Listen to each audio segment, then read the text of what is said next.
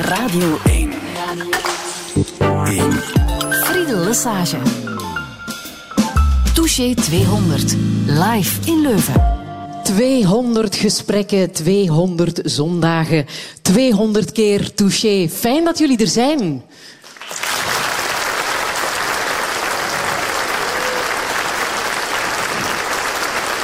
Ja, want geef toe, dat verdient natuurlijk een feestje. Ik sta hier voor een nokvolle schouwburg in uh, Leuven met uh, zeer veel luisteraars. Ook heel veel bekende gezichten. Ik zie daar Bart Moejaert, Els Snik, Anne Vierstraten, Paul Beloy, Leo van Broek, Oana Bogdan. Enfin, te veel namen om op te noemen.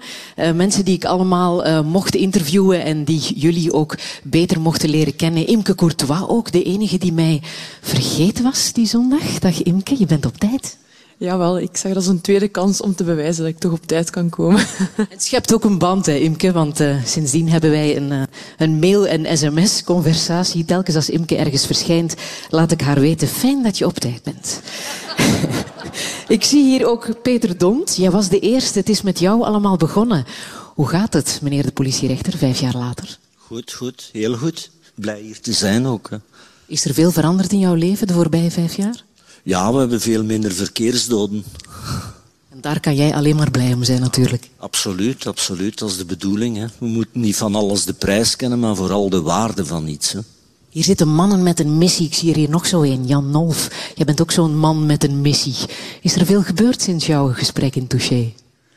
Ik was heel erg touché zelf, moet ik eerlijk zeggen. En dat is me heel erg bijgebleven. Maar dat is altijd wederzijds, moet ik zeggen, met mijn gasten.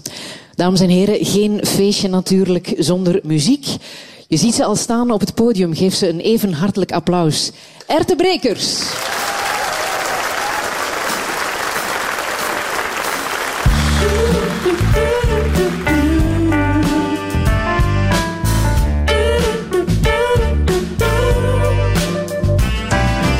Ertebrekers. cent in de meest en de meest in wie. Met een zon of cent in school, je ha en ik ben blij. Het is twintig achterna, we kunnen nog verwacht, zo weer ik een slaan. En speelde me gedaan, maar die plan berg heb ik wat beters te doen. Wereld om mijn naast is de plan broer. Klein met toch in om de slap te vangen. Pezen nog aan om ding, maar die ding naar hem belang. Ten door een dag. Den dorpen dag. Den dorpen dag.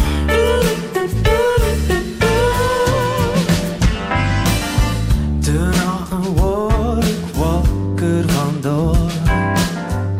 I een tien. Toen ik een stukje eten.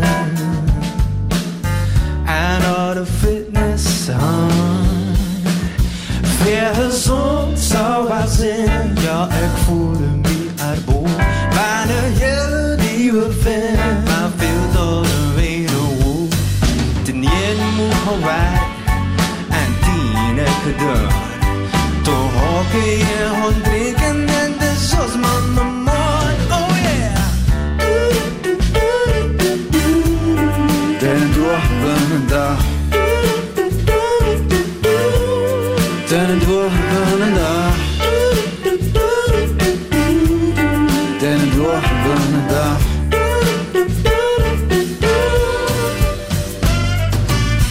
Bij gesmoren, ik dan altijd iets aan man. Ik zo met te vistoren aan mijn volle hele dan. Misschien we kan gezond is in de klas daar iets van. Over kanker en doorgaan en de bewezen verbaan. Verstaan misschien maar niet dat ik bij zo'n al dat verdriet ben. Met een fanclub en familie heb het bij om te bied. En verder op een internationale rol. De meesten zijn, het is toch spitten hey ho. En kan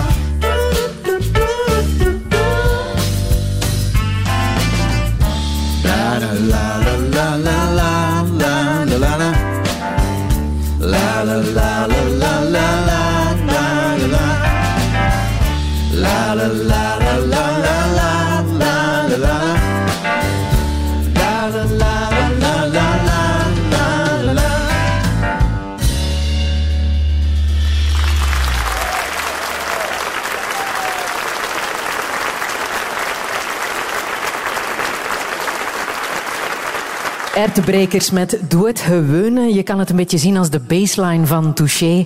Een eerbetoon aan de kleine dingen die het bestaan de moeite waard maken. En Ertebrekers, dat zijn Philip Kaulier, Jeffrey Jefferson, de drummer Karel de Bakker.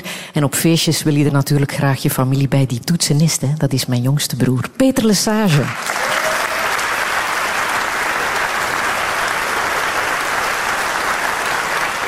Bij de 200 gasten die ik de voorbije vijf jaar mocht ontvangen op zondag zat een beetje van alles. Sportmensen, culturo's, bedrijfsleiders, politici, wetenschappers.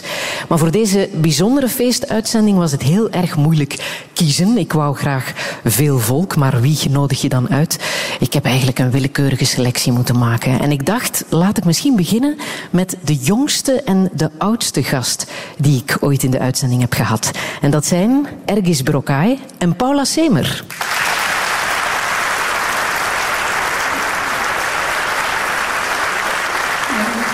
Ergis Brokai, hoe oud ben jij nu?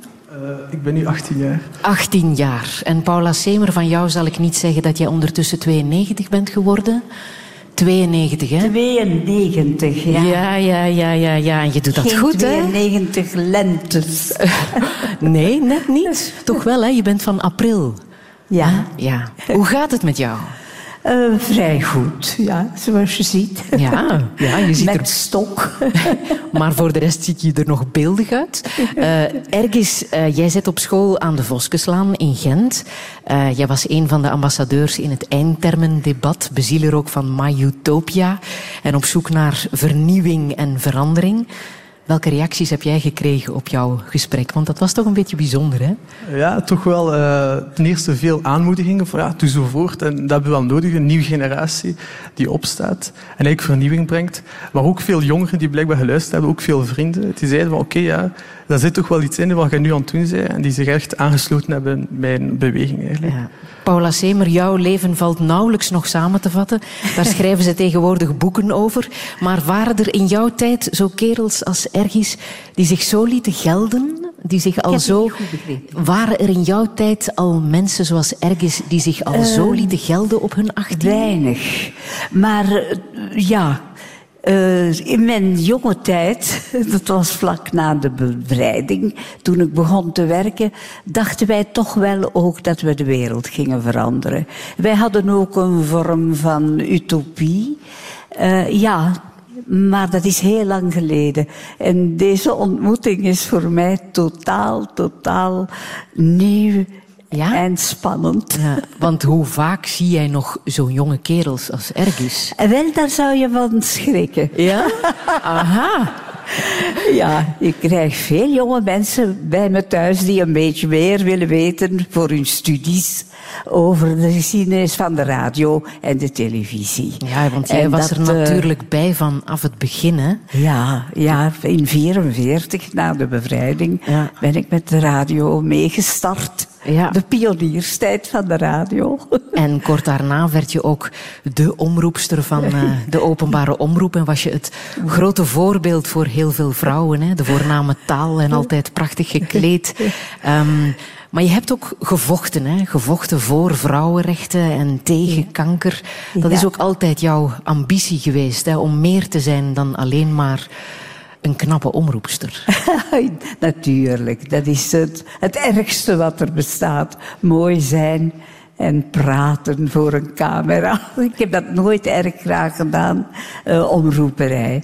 Maar later het programma's maken en het kwaad zijn.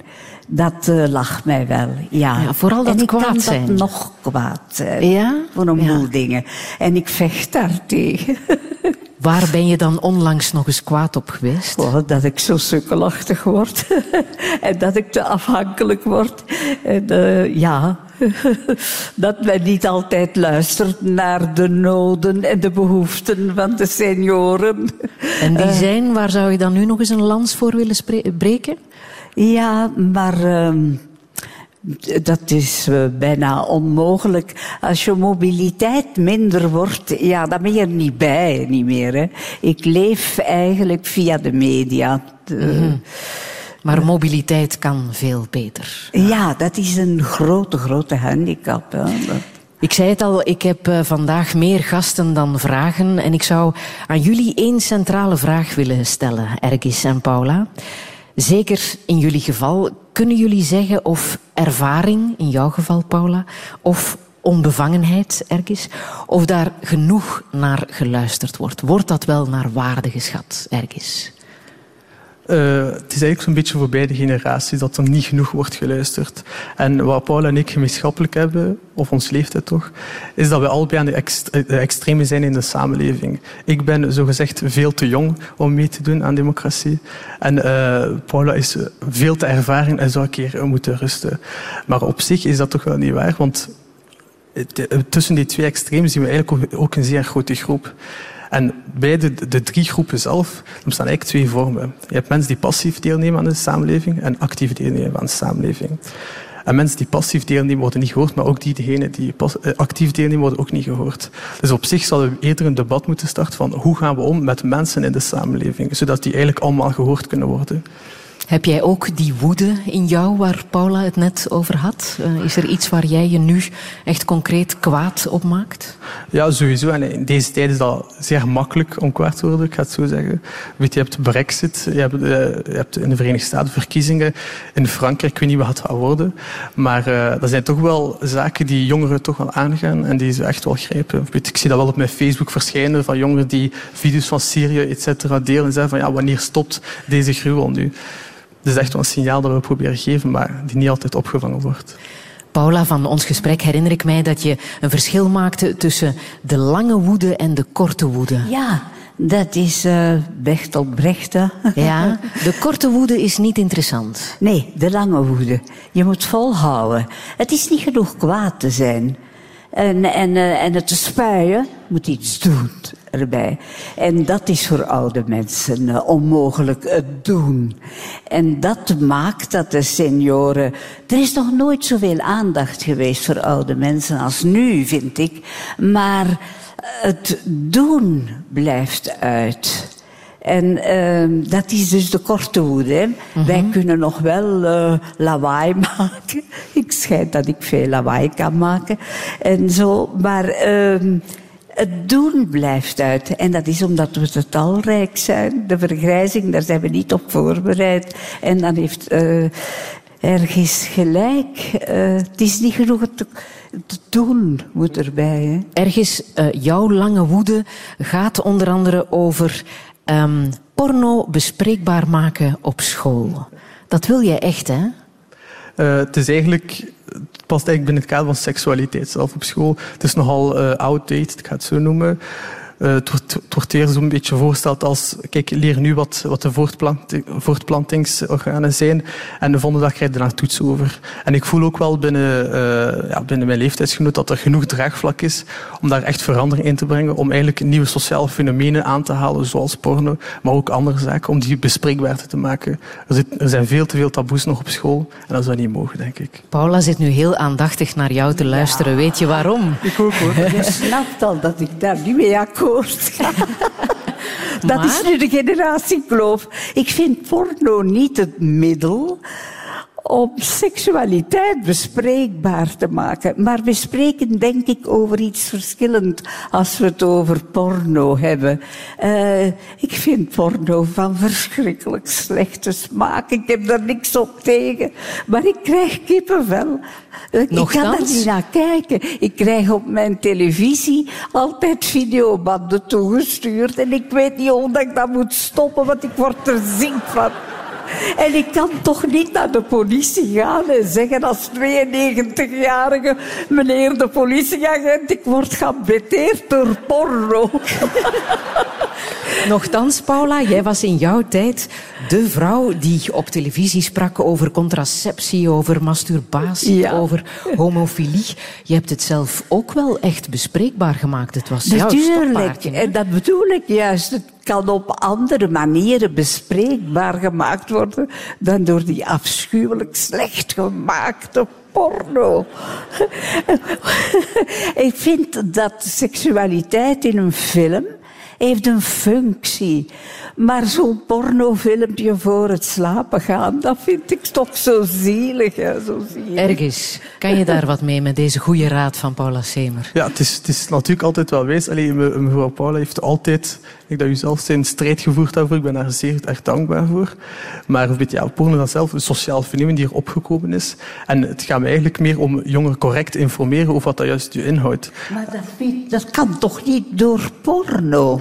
Als er nu één ding leugenachtig is, dat is toch porno? Hallo, Laat wij ons liever experimenteren. Ik wil dan wel raad komen geven, maar...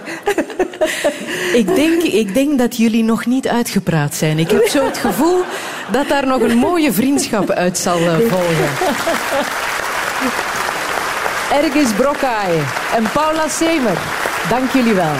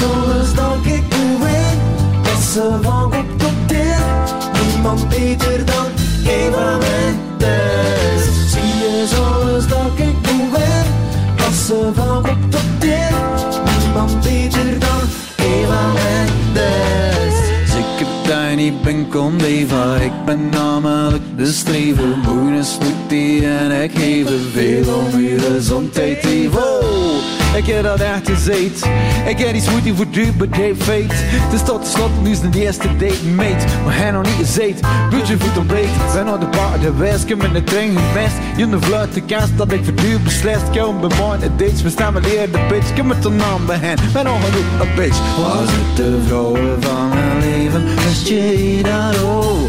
Ik zoek en zielen voor je ben heel de wow. Zie je zoals dat ik doe in, dat ze van kop tot teen. Niemand beter dan Eva Mendes. Dat ze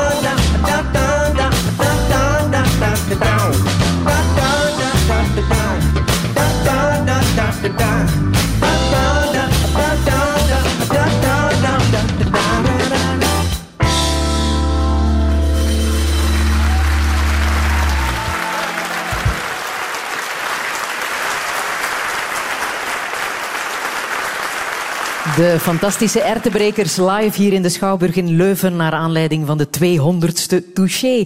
En in de sofa ondertussen onze lokale Eva Mendes, actrice Tanja van der Zande, geflankeerd door twee stand-up comedians, William Boeva en Kamal Karmach.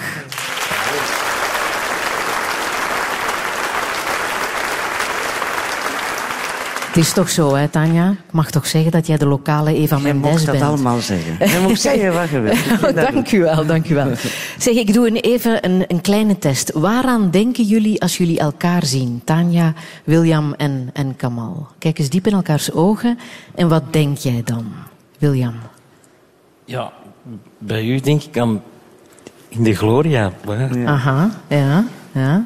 Tanja, ik, waaraan denk, denk, jij? ik denk bij beiden, eh, het zijn ook mensen die eh, graag met een kwinkslag door het leven gaan. Dat is Ja. het eerste Ja, wat ik dan denk. Ja. Ja, ook. Ik denk, Ja. ik denk dat dat is zo een beetje mensen met relativeringsvermogen, Ja. denk ik. Ja. Begon even professioneel. We zitten nu al iets persoonlijker. Relativeringsvermogen. Ah, en als we dan nog een stapje verder gaan? Nog, nog dieper. Ja, ja. Ja, ik, ik, ik vind dat vrij aantrekkelijk. Of, of was dat niet dat je... Dat kan ook. Dat kan allemaal gezegd worden hè, vandaag, Tanja. Ja. Sorry Kamal, maar ik zit ernaast vanavond. Ze is al verkocht. Ja, en het is trouwens nog ochtend ook. Ja, ook nog. Voor mij is het gewoon nog avond. hè. Ja.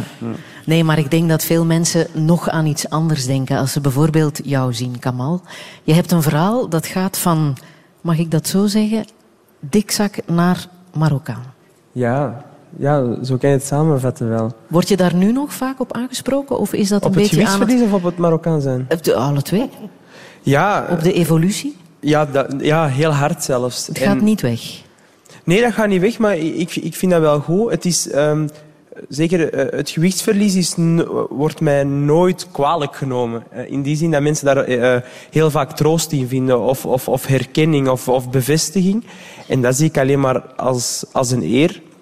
En ik kan het ook niet vergeten, want voor mij is dat ook nog altijd heftig. Want ehm, gewichtsverlies komt mij, ehm, gaat heel vaak gepaard met ijdelheid. Hè. Je ziet er beter uit. Eh, mensen zeggen ook dat je er veel beter uitziet.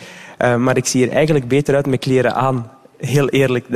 Want ik heb nu heel veel last van huidoverschot. Dus, dus als ik in de spiegel kijk, misschien is dat in functie van mijn ijdelheid, maar de nieuwe Kamal vindt deze, hoe ik er nu uitzie, eigenlijk lelijker dan de vroegere Kamal, de dikke, Nee. zag. Ja. Dus, dus het, is, het zijn voor mij nog altijd wel littekens. Dus ik vind het heel goed dat mensen mij daar nog op aanspreken. Omdat ik dan terug de bevestiging zie van ja, dat is waar, Kamal, je komt van heel ver. Dat dat is heel zot hoe dat een mens steeds meer en meer wilt. Niet alleen materieel, maar ook naar je eigen toe. Zo. Ja, altijd op weg naar die zogenaamde perfectie die toch niet Ja, bestaat. Ja, misschien is ego een heel vies, vies beest of zo. Ja. Ik ben daar veel ehm, vatbaarder voor geworden. Ja. William, ehm, jij was de gast in Touché net nadat je eh Comedy Cup had gewonnen, dacht ik. Hè? Ja, dat klopt. Ja. En als ik 2012. nu nog moet zeggen, William Boeva, ja, wie is dat ook alweer? Wie is dat ook alweer? Dan helpt het het best als ik zeg... Ja, zeg het maar, Friedel. De kleine mens. Ja, zo kun je het ook verwoorden, ja. Dat is, het, dat is eigenlijk het, het officiële woord, hè? niet dwerg. Hè? Ik, ik, ja, dat klopt, inderdaad. Je bent een kleine mens als je onder de... Wat is de grens? Ik denk onder de meter 15, denk ik. Of een meter 45 zelfs, denk ik. Oh, dan scheelt het niet veel. Nee? Geef me een paar hakken. Ja? Ik ben 1,40 meter. 40. Ah, Allee, ja. het, is, het is ingewikkelder dan dat. Links 1,37 meter, 37, rechts 1,42 meter. 42. En met mijn Dus hakken aan, dan kom je er. Voilà, dat zou... Jezus, mag ik die suite aandoen? Ja, ja, ja, ja, we gaan straks wisselen. Dat vind ik prima. Zeg maar, ehm, heeft het jou geholpen, het stand-up eh, comedian zijn, om dat te aanvaarden, dat deel van... Ja, eigenlijk wel. Eh, ik moet zeggen, ik, ik was er natuurlijk al... Ik was een jaar of twintig als ik begonnen ben met stand-up comedy. Ehm, op die moment had ik dat al wel ergens aanvaard voor mezelf, maar ik had het eigenlijk meer verdrongen. Ik ontkende het meer. En met stand-up comedy te doen, werd het plotseling eh, heel hard in mijn gezicht gegooid. En waardoor dat ik er terug mee geconfronteerd werd, maar dat zorgde wel dat ik het terug kon leren aanvaarden. En dat ik echt de finale stap kon zetten van, ja, oké, nu heb ik het volledig omarmd en het is oké zo. Het is, het is goed. Meer nog, het is zelfs een voordeel. Het is, ik, ik maak er gewoon mijn kracht van. Eh, en dat lijkt me het belangrijkste gewoon. Ja.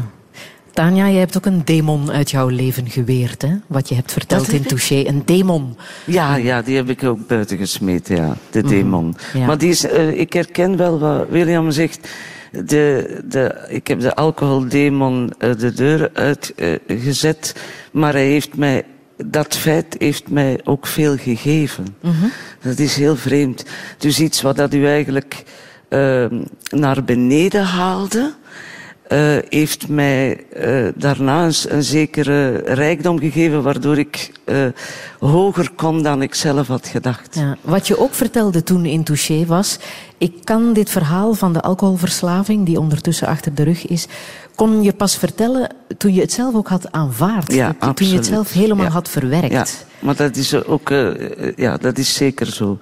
Je kunt, het, je kunt er eigenlijk pas aan beginnen, aan het herstel, als je het volledig aanvaard hebt. En ik kan u zeggen, ik heb dat heel lang niet aanvaard. Jaren niet aanvaard. Wel, zo zeggen van, ja, ja, ik aanvaard het, maar diep van binnen blijven denken, nee, dat is niet waar. En, en eigenlijk ben ik geen alcoholiste, zo weet wel. Toch, toch proberen van daar onderuit te geraken. En eigenlijk van het moment dat ik mij volledig het aanvaarde en volledig ehm, hulp daarvoor aanvaarde ook, want dat is dan nog een tweede, ging het alleen maar beter. Dat is iets wat je met geen woorden kunt vertellen. Dat is, eh, ja, dat is echt fantastisch. Ik heb voor jullie ook een centrale vraag. Ehm, kan empathie, kan begrip de wereld redden, denk je? Kamal? Ja, omdat ehm, ik, ben er, ik ben er rotsvast van overtuigd. Ehm, ik ben onlangs getrouwd. Hè. Echt En- waar? Ja. Proficiat? Ja, dank. Merci. Het is hier de ene scoop na de andere. En Ja? ik heb ehm, gemerkt dat ik nooit gelijk heb. Nu pas. Ja, maar tegelijkertijd heb ik ook altijd gelijk. In de zin van, ehm, haar realiteit is die van haar. Dus alles wat ze tegen mij zegt, is ehm, heel vaak niet per se vanuit een soort van slechte wil naar mij toe en vice versa.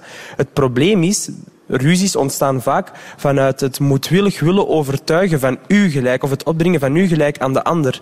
En waar we echt wel door moesten, was het besef van wat ik vind is gewoon wat ik vind en we moeten leren leven met elkaars gelijk. En ik denk dat dat ook extrapoleerbaar is, is op macroschaal. Ik denk dat het probleem is, is het nu, gaat nu over religie of, of politiek of ideologie, dat is eigenlijk dat wij als, als, als mens of als, als samenleving constant iedereen willen een, een- bepaalde weg willen opdringen, terwijl we eigenlijk zouden moeten leren van hoe kunnen we eh, werken en leven met de verschillende visies naast en rond elkaar. Dus in die zin is empathie heel belangrijk, omdat dat een soort van relativering of het in perspectief zetten van elkaars gelijk is in functie van uzelf. En dat brengt ons als samenleving, en in mijn geval als huwelijk waar ik onder de sloef lig, mijlenver vooruit.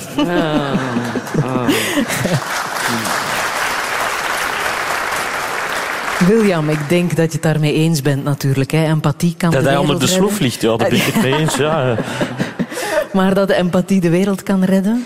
Eh, ja en nee. Als het empathie is in de zin van begrip, wel. Om zich te kunnen verplaatsen in iemand anders zijn, zijn situatie.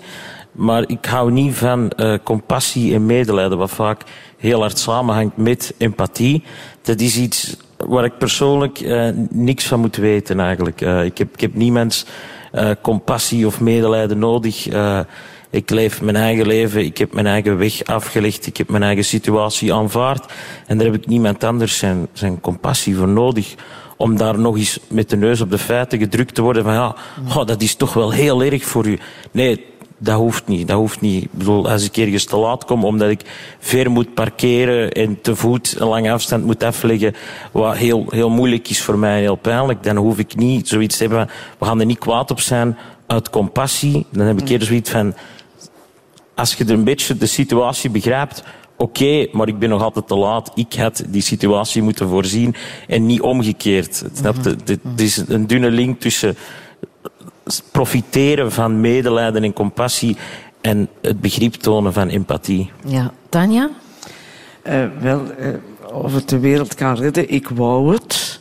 Eh, het is in ieder geval niet slecht om in eh, andermans schoenen te staan af en toe. Alleen niet letterlijk, alhoewel in uw geval kunnen die, Die van mij. van Friedel wel gebruiken. Maar, nee, maar ik denk dat dat niet slecht is om u, gelijk hij zegt, u te verplaatsen in andermans situatie om meer te begrijpen. Ik ben het ook helemaal eens. Iedereen heeft zo zijn eigen gelijk altijd. Ik, ben, ik maak mij daar ook eh, schuldig aan hoor. Maar het zou een heleboel oplossen als je gewoon naar elkaar zou luisteren. Oh, hoor mij nu. Goh, maar ik ben daar ook niet echt goed in. goed ik ben gedaan, daar ook heel slecht in. Maar ik ben er heel slecht helemaal in. aan jouw voeten. Ja. En ik wil jullie bedanken voor eh, het gesprek. Tanja van der Zande, William Boeva en Kamal Karmach. Ik, kerel. Hoe lang kent je me, joh? Bewaard kinders van de straten. Overal ze zien het rond het school. Ik jij weet bed voor je vader. Hier en me weet screamt dan niet veel later. Maar bovenal geland het aan mijn app We moeten ons niet altijd op slechte blind staan. Dat is een beetje nu probleem recentelijk. Ik had het voor je zo te zien beken ik. Dat er zoveel boven nieuws de kop had. Wat is die hast die vroeger dood het leut had. We zien de samenzweringen en alles. En dat het helemaal doellijk dat normaal is. Dat ons leven de slechte screen verhaal is. Dat je niet met hand mee doen dat dat maar al is. Breekt er het. Kerel, ik smeek het u. Die lange klaaszang, die monoloog. Dan wil de constant werd bedrogen. Over en van zint het daar niet van. En me die mening en ik kom er daar niet van. Hij moest zo kwaad niet zijn, stik er je dit niet in. De vijand is denkbeelden, kan hem overweg. Ik ten zelf, want daar begon het. Je moet niet twijfelen, je weet je kan het. Zijn niet te bang, dan niet de staat, niet de justitie, je advocaat. De maatschappij niet, het apparaat, de bourgeoisie het kalifaat. Kom van die podia en kom naar buiten. Rustig, Haasman, een paar minuten.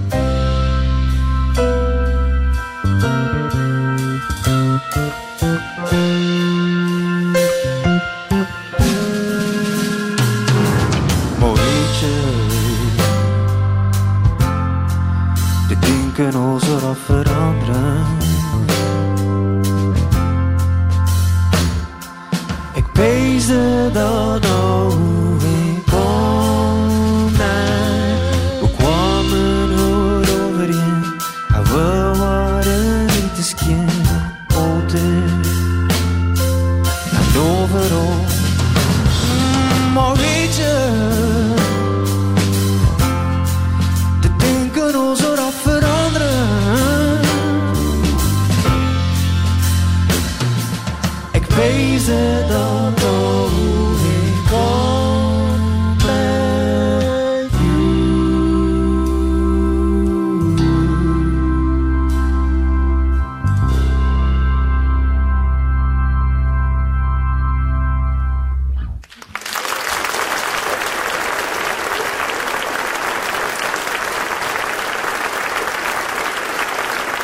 Ertebrekers en eh Guy en ik over eh, ja, die ene goede vriend die je ook wel weer kan verliezen als het erop aankomt.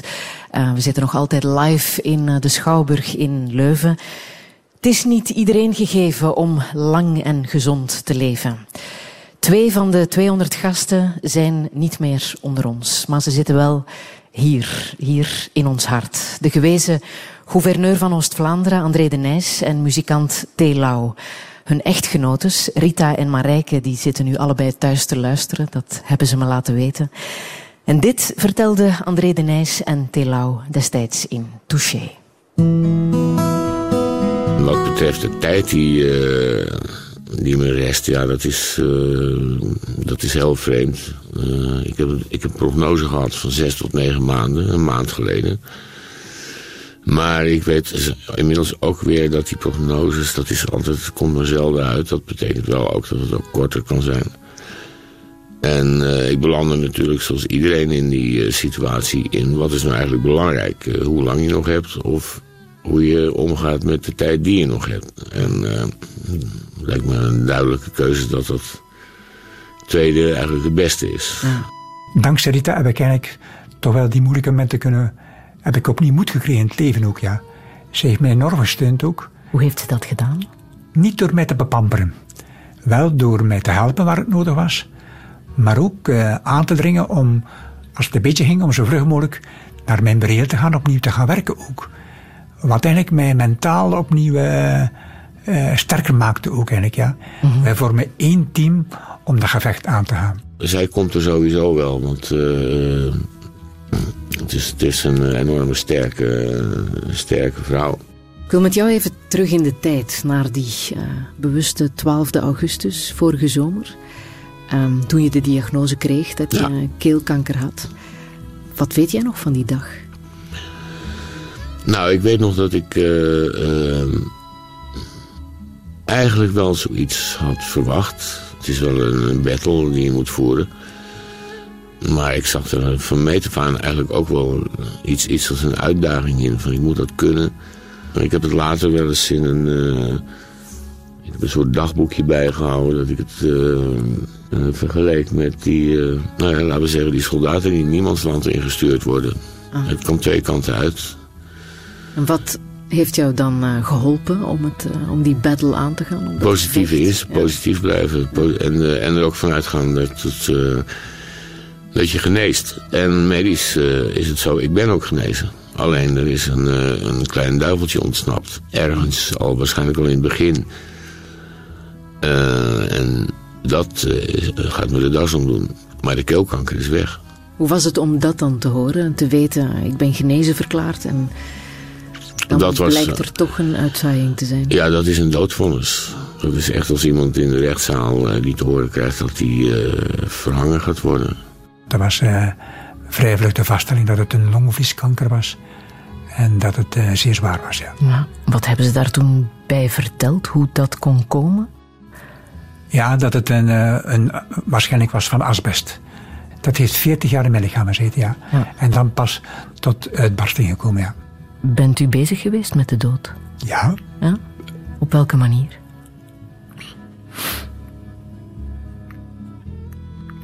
Ik ben er dichtbij gestaan. Maar vandaag denk ik er niet meer aan. Nee. Eh, toen heb ik, ja, heb ik alles geregeld ook. Financieel ook. Maar vandaag Denkt u daar niet meer is het aan? een schaduwvlek ver boven mij. Mijn laatste chemobehandeling krijg ik in februari. En dan ga ik proberen opnieuw door te fietsen en door te oefenen. Mij opnieuw sterk te maken. Tegen de volgende behandeling. Ik hoop dat een jaar te kunnen uitstellen. Om maar krachten te krijgen en dan op die manier het onder controle te kunnen houden. Maar ik vecht er tegen. En ehm, ik laat me niet doen door de dood, nee. Welke boodschap wil jij ons nog meegeven? Geniet ervan. Zullen we doen.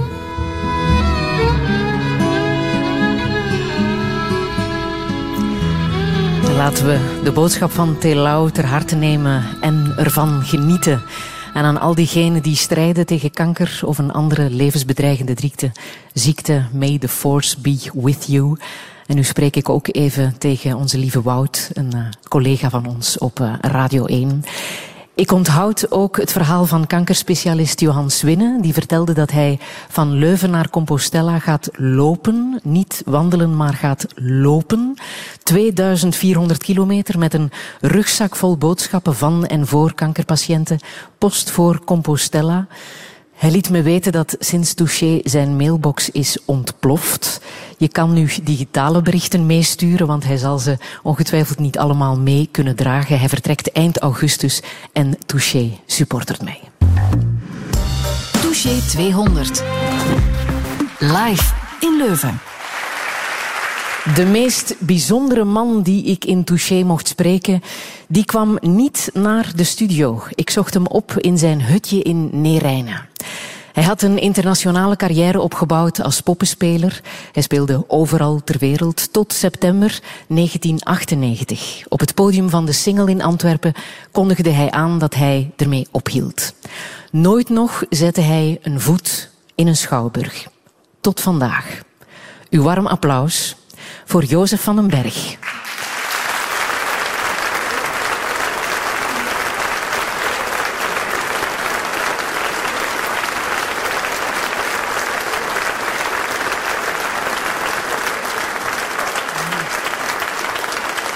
Lieve Jozef, Toch wel een heel bijzonder moment, denk ik. Je bent na 28 jaar terug op het podium van een schouwburg.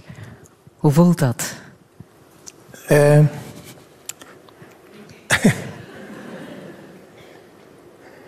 ja, ik moet, je, ik moet je zeggen, Friedel, dat het eh, voor mij eh, misschien wel de bijzonderste ogenblik is van toen tot nu toe.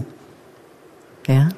Ik kan dat niet helemaal precies uitleggen, maar er is mij inderdaad toen in de, in de single in Antwerpen iets overkomen van Gods wegen.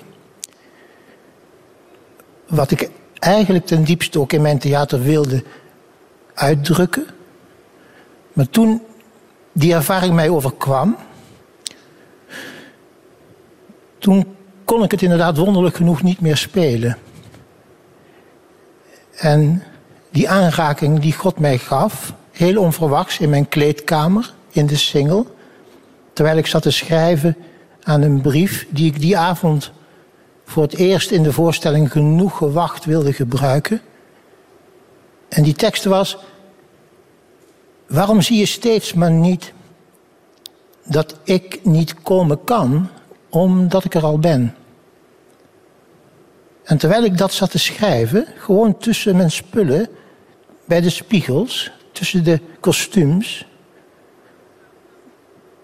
toen overkwam mij een liefde die mij aanraakte, heel onverwachts, heel teder, totaal onbekend aan de mens. Dus niet iets van mijzelf. Maar ik werd aangeraakt, bemind, omhelst van binnen. Dat ik zei, mijn, mijn God. Ik keek op of ik iemand zag. Maar dat was niet zo, ik zag niemand. Dus hij liet mij zien dat de vraag die ik opschreef voor mijn theater, dat het eigenlijk zijn vraag was aan mij. Dus hij gebruikte mijn theater om mij te laten zien, ja Jozef, jij hebt jouw poppenkast. maar jullie zijn mijn poppenkast. We zijn nu 28 jaar verder. Je hebt toen beslist om je gezin te verlaten, het theaterleven te verlaten, te gaan leven onder de blote hemel in een hutje met een veldkeukentje als kluizenaar, terwijl je niet zo erg houdt van dat woord kluizenaar. Maar toch, je bleef daar altijd. En nu zit je hier in de Schouwburg in Leuven. Hoe komt dat? Ja, dat komt omdat ik ben gaan zien dat ik dat moest doen. Ja? Ik heb je eerst geantwoord, ik wil misschien wel aan de telefoon wat met je praten. Maar toen ben ik het beter gaan bekijken, jouw vraag aan mij. En ik leef inderdaad wel in een hele wonderlijke, hoe moet ik dat zeggen, in een wonderlijke situatie. God heeft me echt laten zien, ik heb iets geschreven wat jij voor mij moet leven. En ik laat het je wel zien wat dat is. Ik ga je dat uitleggen. Maar het is iets wat hij wil zeggen aan ons en wat hij op die manier vanuit het theater naar de werkelijkheid heeft gebracht. En jouw vraag aan mij, die heb ik daarin betrokken. Waarom, moet, waarom vraag jij mij dat? En ik ben gaan zien, ik moet daar naartoe. Ik moet daar naartoe. Omdat er iets is wat God ons wil vertellen, wat Hij dringend aan ons wil vertellen. En Hij heeft daar een hele wonderlijke weg voor gekozen. Een soort weefsel van touwtjes en draadjes maar wat op enig moment, als hij dat wil, dan zal hij precies doen met, ja, met de anderen wat hij toen met mij heeft gedaan in de single. Het is eigenlijk een soort, jou heb ik het gegeven, maar hij wil het ook doorgeven aan het publiek, want die horen eigenlijk ook bij dat theater. Hoe kijk jij naar ons? Want wij leven in in luxe. Hè. We hebben alles. Ik heb jouw hutje gezien, jouw veldkeukentje. Jij leeft met niks al zoveel jaren en dat kan ook. Is er iets wat jij ons wil, wil vertellen? Je was als poppenspeler al een soort predikant. Hè? Toen probeerde je al je verhalen via het theater te vertellen. Is er iets dat je ons nu kan vertellen? Want misschien hebben we opnieuw wel poppenspelers zoals jou nodig, anno 2017. Ja, dat is natuurlijk een hele grote vraag die je nou vraagt. Er is heel veel wat ik wil vertellen. En dat heeft natuurlijk te maken met God. En ja, met de kerk. Met de heilige orthodoxe kerk. Want dat is ook, ook bijzonder dat ik heb een Griekse vader ontmoet in Athene. Die voordat ik vertelde wat mij was overkomen in Antwerpen, wist hij dat al. Mhm. En hij zei, ja Jozef, dat weet ik. Dat heeft God aan u gedaan, dat weet ik. Hij was een blinde ziener. Mhm. En hij zei, nu, nu moet je acteur van Christus worden. Jozef, daar ligt een, een hele mooie tas op de zetel. Ja. Ik ben natuurlijk nieuwsgierig. Je hebt iets meegebracht. Ja, ik, ik, ik heb het wel meegebracht. Het? Nou, um. um. Mhm. Maar... Neem het maar. Jij vroeg mij, jij vroeg mij of ik misschien een, een pop wilde meenemen. Ja, want sinds 28 jaar zijn die poppen En ergens ik heb in een... inderdaad de enige die ik, die ik toen ik vertrok heb meegenomen is portemonnee. En die heb ik in de kist gedaan. En ik ben inderdaad met de kist de wereld ingelopen. En de portemonnee heb ik toen al die jaren natuurlijk bij mij bewaard. En jij, wou, jij vroeg mij, wil jij misschien, wil jij misschien een, een pop meebrengen? En ik heb hem voor je meegebracht. Maar je ziet, hij is totaal armoedig geworden. Heeft een beetje Hij afgezien de niks voorbije mogen jaren. doen. Oh, En ja. hij is echt. eh, toen ik nog speelde, was hij, was hij de bozerik van de poppenkast. Dat weet je misschien wel. Ja, ja. Maar ja, het is op zichzelf wel heel bijzonder. Als je naar hem kijkt, dan zie je dat hij eigenlijk nog steeds wel leeft. Speelt hij nog een heel klein beetje, denk je? Nee, nee. Zou hij het nog kunnen? Nee, dat doen we niet. Nee? Nee. Zit er nog iets in de tas? Ja, ik had ook bij me genomen een, mijn dagboek. Mhm. Waaruit ik misschien iets wilde voorlezen. Maar dat ga ik toch niet doen. Nee? Vergeef me. Ik moet het een soort bij God laten. Ik kan dat eigenlijk niet doen op eigen houtje. Mhm. Maar ik schrijf over iets voor ons. Er is iets wat God ons dringend wil vertellen. Maar ik kan dat zo niet beslissen dat ik dat nu doe. Dat schrijf jij voor ons op. Dat schrijf ik voor jullie op. En we zullen het lezen als het moet. Als het, als het moment daar is, ja. ja, ja. Ben jij gelukkig? Ja, heel gelukkig. Wat maakt jou gelukkig? God. En behalve God? Alle mensen. Aha. Want God en alle mensen, die horen natuurlijk bij elkaar. En God is liefde. En de liefde wil dat alle mensen in die liefde zijn. Dat alle mensen God werkelijk leren kennen, zo lief als Hij is. Maar wij zijn natuurlijk op dit moment in deze wereld steeds verder van God aan het weglopen. Dat is zo. Dat is echt zo. En dat zie ik ook gebeuren. Maar toch geloof ik heel sterk dat Hij een plan heeft. Mag ik het ook zo omschrijven dat mensen van de liefde aan het weglopen zijn? Als je zegt dat God liefde is en voor de mensen die niet in God geloven, die bestaan ook. Moeten ze dat als liefde zien? Dat ze weglopen van de liefde? Nou, God heeft elke mens lief. Ook diegenen die niet geloven. Ook degenen die niet geloven. Kijk, de zon wil iedereen verwarmen. Maar als je achter de muur gaat zitten, dan kan de zon jou niet bereiken. Maar de zon wil in principe wel jou verwarmen. Maar God is liefde en de liefde is inderdaad vrijheid. Waar de vrijheid ophoudt, houdt ook de liefde op. Waar, waar dwang begint, houdt ook de liefde op.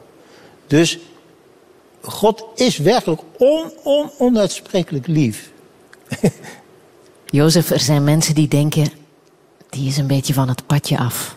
Ja, Wat zeg jij dan? daar hoef ik niet per se iets op te zeggen. Doet dat pijn? Dat doet pijn. Ik heb dat natuurlijk in het begin heel erg meegemaakt. Omdat ik ook mijn kinderen en mijn vrouw verliet. En iedereen zei, ja, hoe kun jij over liefde spreken? Je laat je eigen gezin in de steek. En dat is iets wat, wat ik moet dragen. Maar de mens die dat zegt, die weet eigenlijk niet goed wat hij zegt. Omdat hij misschien nog niet kan zien dat God iemand kan vragen iets voor hem te doen wat hij echt moet doen. Zodanig dat hij zelfs het liefste wat hij heeft daarvoor dat achterlaat om ook hun te geven wat God geven wil. Kijk, als een soldaat door de koning wordt geroepen om naar het front te komen, dan, dan laat hij zijn gezin in de steek. Maar niet om hun in de steek te laten, maar om iets voor hun te doen aan het front. En zo ben ik eigenlijk ook het, soort aan het front geroepen. En hoe toon jij je liefde voor jouw kinderen? Door dit te doen wat ik doe. En dat weten ze ook wel. En ze zoeken mij ook op. Maar er kan iets zijn wat daar nog bovenuit gaat. En dat is natuurlijk mijn grote hoop en ook mijn verwachting. Dat God op enig moment dat ook zal laten zien. En dan, dan zullen ook de mensen die zeggen Jozef is van het padje af, zullen spijt hebben. Hier zitten heel veel mensen in de Schouwburg. het, is, het is lang geleden, denk ik, en ik weet niet of het licht een beetje, een beetje sterker kan, dat jij zoveel mensen samen hebt gezien. Ja, dat heb ik he- helemaal nooit meer gezien. Nee. Ik heb vroeger natuurlijk heel veel, heel veel hier gespeeld ook. Ja. En ik vond het fantastisch om, Ja. om hier... eh, Want jij speelde echt met jouw hele lijf en leden, hè? ja, ja, ja, ja. Ook wel een beetje stress waarschijnlijk. Hm? Er was ook wel een beetje stress, een beetje zenuwen. Ja, zonder dat gaat het niet. Maar ja, ik vond het fantastisch. En ik vond het fantastisch dat je bij ons was, Jozef van den Berg. Dank je wel. Geef hem een hartelijk applaus.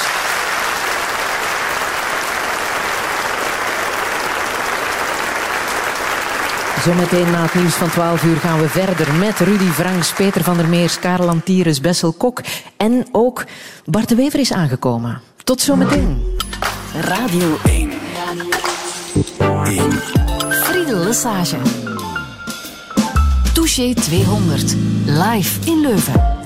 We zitten ondertussen halverwege de Face Touché live vanuit een overvolle schouwburg hier in Leuven. En via onze website kan je de 200 gesprekken van Touché trouwens herbeluisteren. Ik stelde iedereen die hier vandaag in de schouwburg aanwezig is ook de vraag welke Touché heeft je het meeste geraakt?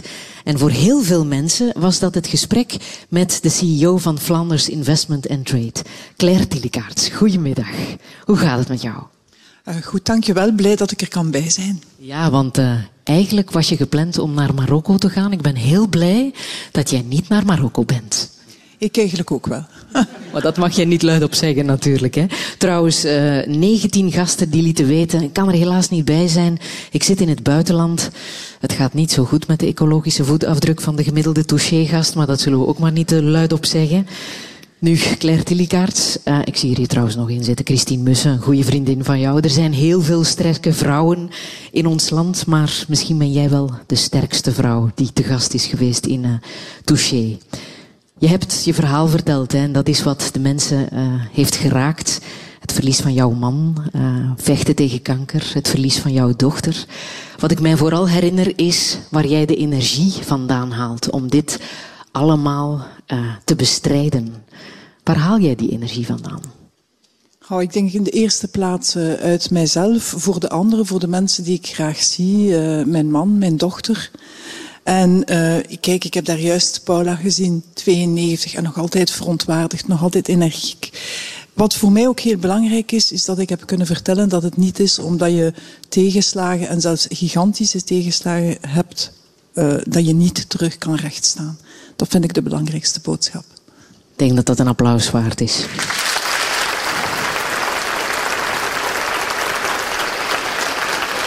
En ik weet ook, ik weet ook dat muziek helpt. Altijd en overal. En ook hier in deze schouwburg. Dames en heren, Ertebrekers.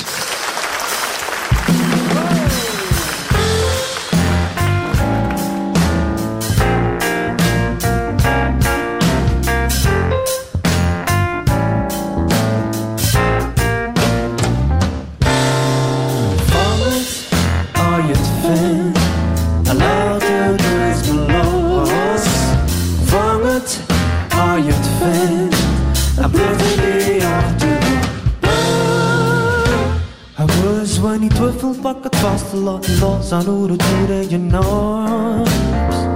Wow, glad aan je voeten, maar ik kun niet zien. Al je wandelt bij de wolken rond je kop en niet anders doet dan worden je staat.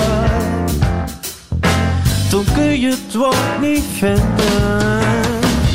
Wow, vang het, als je het vindt.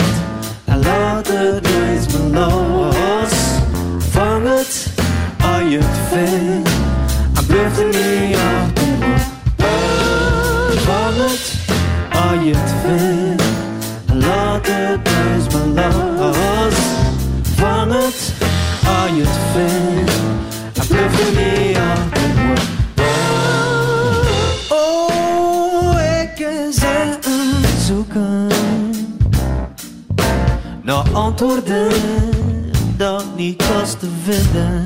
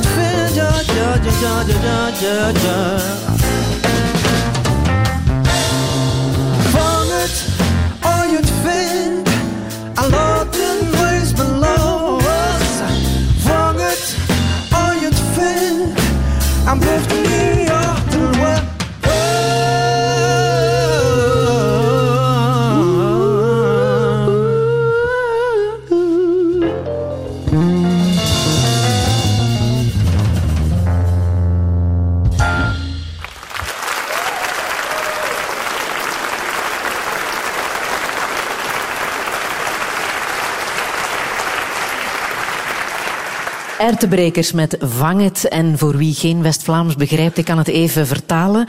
Het gaat over pakken wat je pakken kan. Als er kansen zijn, grijp ze. En zo hoort het ook, ook in uh, Touché. Ondertussen hier in de sofa drie journalistieke monumenten. Hoofdredacteur van de NRC, Peter van der Meers. Oorlogscorrespondent Rudy Franks. En de man die samen met zijn broers Jeff en Johan zowat de hele pers in ons land hebben gemaakt. Karel Antires.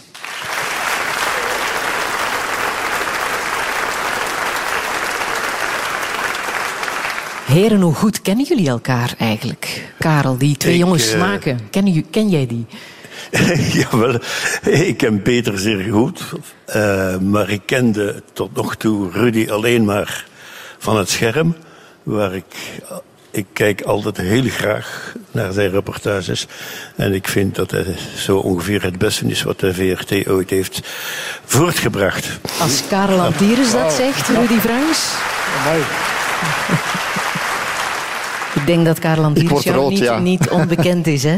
Nee, nee, absoluut niet. Tuurlijk niet. Maar ik ken, ik ken hem en zijn broers van naam als monumenten van, van ja, toen ik piepjong en in korte broek begon te lezen. En, en, blijven Peter van lezen der ben. Meer. Nou, wat eh, Karel zegt, eh, de familie Antier natuurlijk. En Rudy ken ik eigenlijk niet goed. Wij hebben elkaar een paar keer eh, eh, tegengekomen in het, eh, in het verleden. Maar gek genoeg kennen we elkaar eigenlijk niet goed. En ik kan alleen maar de lof die Karel uitsprak beamen. Daarvoor dienen feestjes, mensen samenbrengen. En voilà, dat gebeurt vandaag ook. Je weet, in Touché kijken we lang niet alleen naar onze eigen navel, maar we kijken ook naar wat er in de wereld gebeurt en wat ons daarin raakt. En vandaag is dat ongetwijfeld de verkiezingen in eh, Frankrijk. Wat verwachten jullie, heren? Peter van der Meers, ik zal bij jou beginnen. Ja, ik verwacht een heldere overwinning van Macron. Maar eh, om eerlijk te zijn, ik dacht ook een heldere eh no bij de brexit en een heldere overwinning van Clinton. Dus mijn voorspellende kracht is eh, heel, heel klein. Nu in dit geval, en de peilingen in Frankrijk zijn gelukkig iets betrouwbaarder dan in, in Amerika. En ook het debat vorige woensdag vond ik was een heel heldere overwinning van Macron. En vooral toonde, denk ik, daar mevrouw Le Pen zich in wie ze echt, eh, echt is, eh, niet presidentiabel. Eh, dus ik verwacht eigenlijk wel dat Macron wint. Maar de grote vraag is, als Macron gewonnen heeft, wat gaat hij dan doen? Wat gaat hij kunnen doen in een land dat het heel lastig heeft met hervormingen? En, de, de, misschien de belangrijkste verkiezingen komen nu nog, komen de parlementsverkiezingen. Slaagt Macron erin om een meerderheid achter zijn project te scharen? Dus dat zijn hele grote vragen die heel bepalend zijn, niet alleen voor Frankrijk, maar ook voor heel Europa, voor Nederland, Duitsland, België. En dus in die zin is wat er vandaag in Frankrijk en de volgende weken in Frankrijk gebeurt, eh, echt cruciaal ook voor ons. Karel Antires, wat gaat Macron kunnen doen, stel dat hij wint? Wel, ik ben niet, lang niet zo beslagen eh, als Peter. Eh, ik, eigenlijk, ik ben een leek. Ik, ik, ik, ik kijk dat, ik weet niet meer dan de man in de straat. Ik zou het niet weten. Ik, eh, ik, mijn hart ging niet, niet uit naar Macron, maar nog veel, veel minder natuurlijk naar Le Pen. En ik zal blij zijn als Macron wint, want er is er geen andere keuze meer. Maar eh, wat er dan daarna gebeurt, net zoals Peter zegt, daar hebben we het raden naar. En ik verwacht er eigenlijk niet veel goeds van. Ik heb zoals bij iedereen ook voor jullie een, eh, een centrale vraag. eh, want het is niet alleen in Frankrijk eh, dat we zien dat het nationalisme toch behoorlijk oprukt. We zagen het ook in Amerika. We hebben het gezien met Erdogan, Wilders, die toch de populairste politicus is van de laatste 15 jaar in Nederland. Hoe verklaar je dat oprukkend nationalisme en, en wat moeten we vrezen, Rudy Franks? God ja, Ehm, het nationalisme is voor mij een, een fenomeen. Je ziet het ook met, met Trump, America First en, en de Brexit. Je zou kunnen teruggrijpen naar de ideologieën hè, die in, van, van de vorige eeuw, van het, hoe het nationalisme toen was en de ontsporingen die ermee te maken hebben gehad. Maar voor mij is het nationalisme van deze tijd is een zoektocht naar identiteit, vooral. Het, eh, we hebben het vaak over de bange, bla- blanke boze man zo die, die zijn job kwijtspeelt aan de globalisering. Dat speelt allemaal wel mee. Maar ik denk dat dat gevoel voor ehm, identiteitsverlies en niet weten waar we bij horen en hoe die nieuwe tijd er zit aan te komen, dat dat het fundamentele is. En dat en, en misschien is dat controversieel wat ik nu ga zeggen, hè, maar in wezen is dat dezelfde humus, voedingsbodem, waar die Syrië-strijders mee te kampen hebben gehad, die eigenlijk ook hun identiteit niet meer kennen of niet weten. En veel excessen die we zien in de wereld komen voort uit dit gevoel van verloren lopen. En geen antwoorden kennen op wat op ons afkomt. En soms kan dat zich, zich uiten of leiden tot, tot wat we zien in, in, in Syrië of met het extremisme van islam. En in andere gevallen kan dat leiden tot America First, tot, wat niet wil zeggen dat het op dezelfde schaal is. Hè. Maar het gevoel moeten we wel serieus nemen. En het, het is al te gemakkelijk om daarop als, een soort van elite op neer te kijken en te zeggen van ja, ze hebben het niet begrepen of, of het is fake news. Het is veel ingewikkelder dan dat. Ja, ik deel dat. Als je nu Frankrijk ziet, uh, heel interessant was de kaart te zien van waar er op Macron en waar er op Le Pen is gestemd. Waar is op uh, Macron gestemd in de succesvolle gebieden? Parijs, Lyon, Bordeaux, de grote steden waar de overwinnaars van de globalisering wonen. Mensen die een goede baan hebben, goed betaald, uh, die internationale handel drijven, jonge mensen. Uh, en waar stemt men op Le Pen? waar die mensen de slachtoffers zijn van de globalisering. Waar ze hun baan uh, kwijtraken, waar hun fabriek sluit.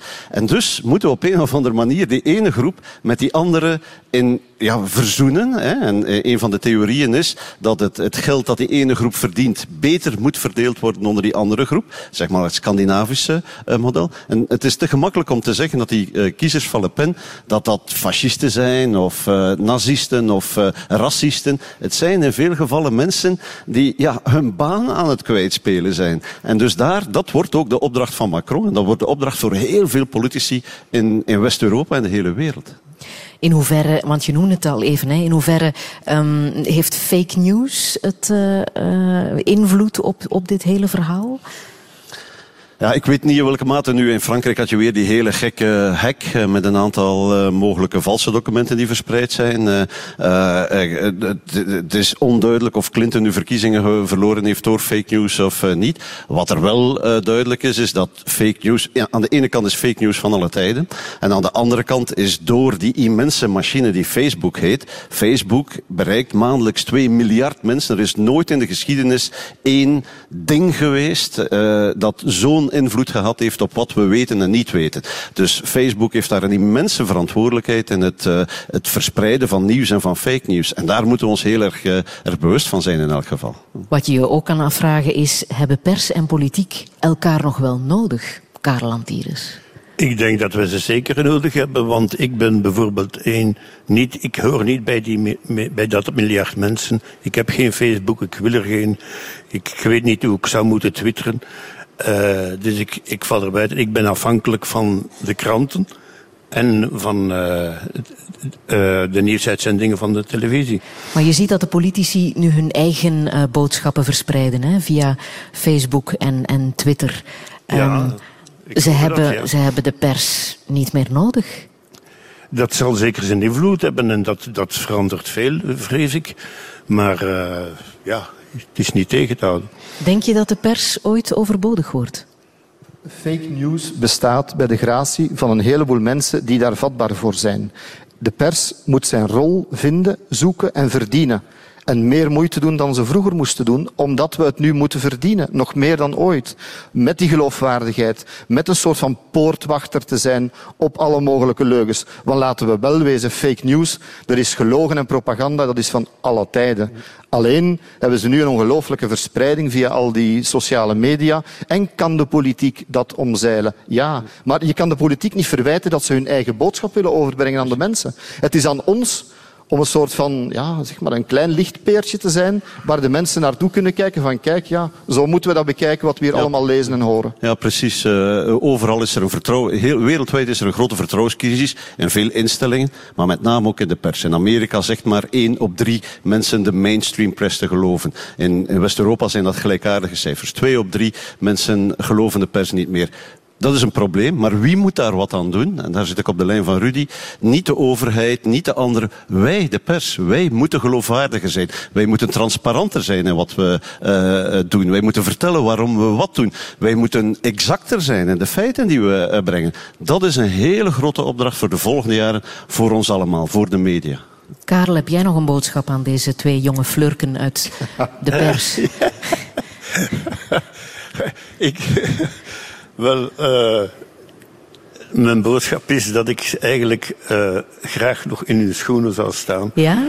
Maar Toch daar is het nu te laat voor. Ja, en dat ik dan zou kunnen meewerken aan wat Rudy zegt, uh, de tegenwerken van, de, van fake news en van eh, al dat gefacebook en getwitter en eh, wat dat ook mogen, verder ook mogen zijn. Maar eh, Als je ja, dat- ik heb mijn tijd gehad.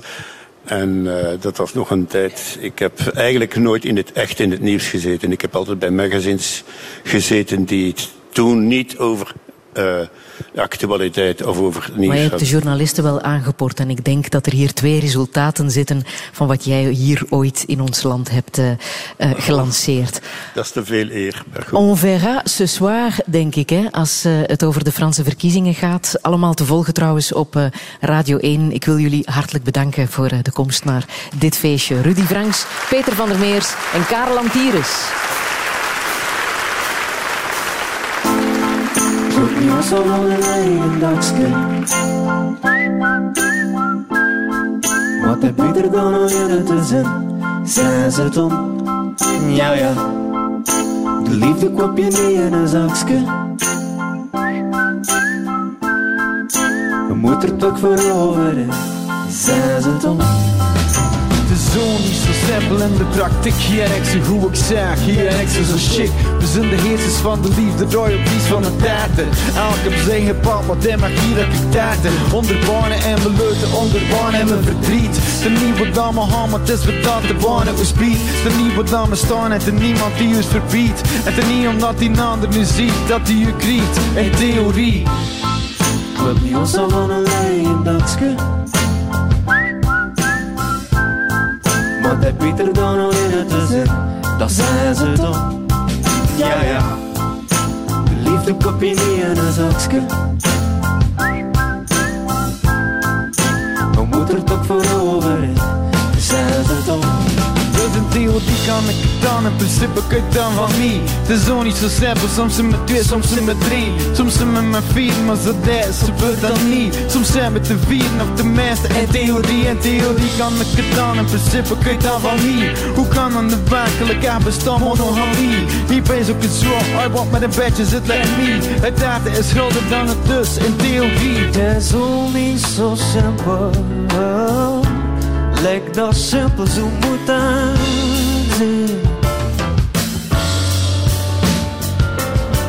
En ik zit hier weer eh, te filosoferen simpel in de praktijk. Hier en ik zo hoe ik zeg, hier en ik zo shit. Het speel het rollen, wat wij doen, speel het rollen, wie dat de kick. Is dan beter voor de rails te staan, die het publiek. Het is geen af-af, keuze, het is een en-en verhaal. Is soms grap hoe dat de schuil te voelen, ons leven bepaalt. Het is niet af hoe dat we ons waarheid en leuns vertalen, omdat we niet te zijn. Wij hebben een bal, wij hebben een bal, wij hebben een Club die ons al van een leien dakske.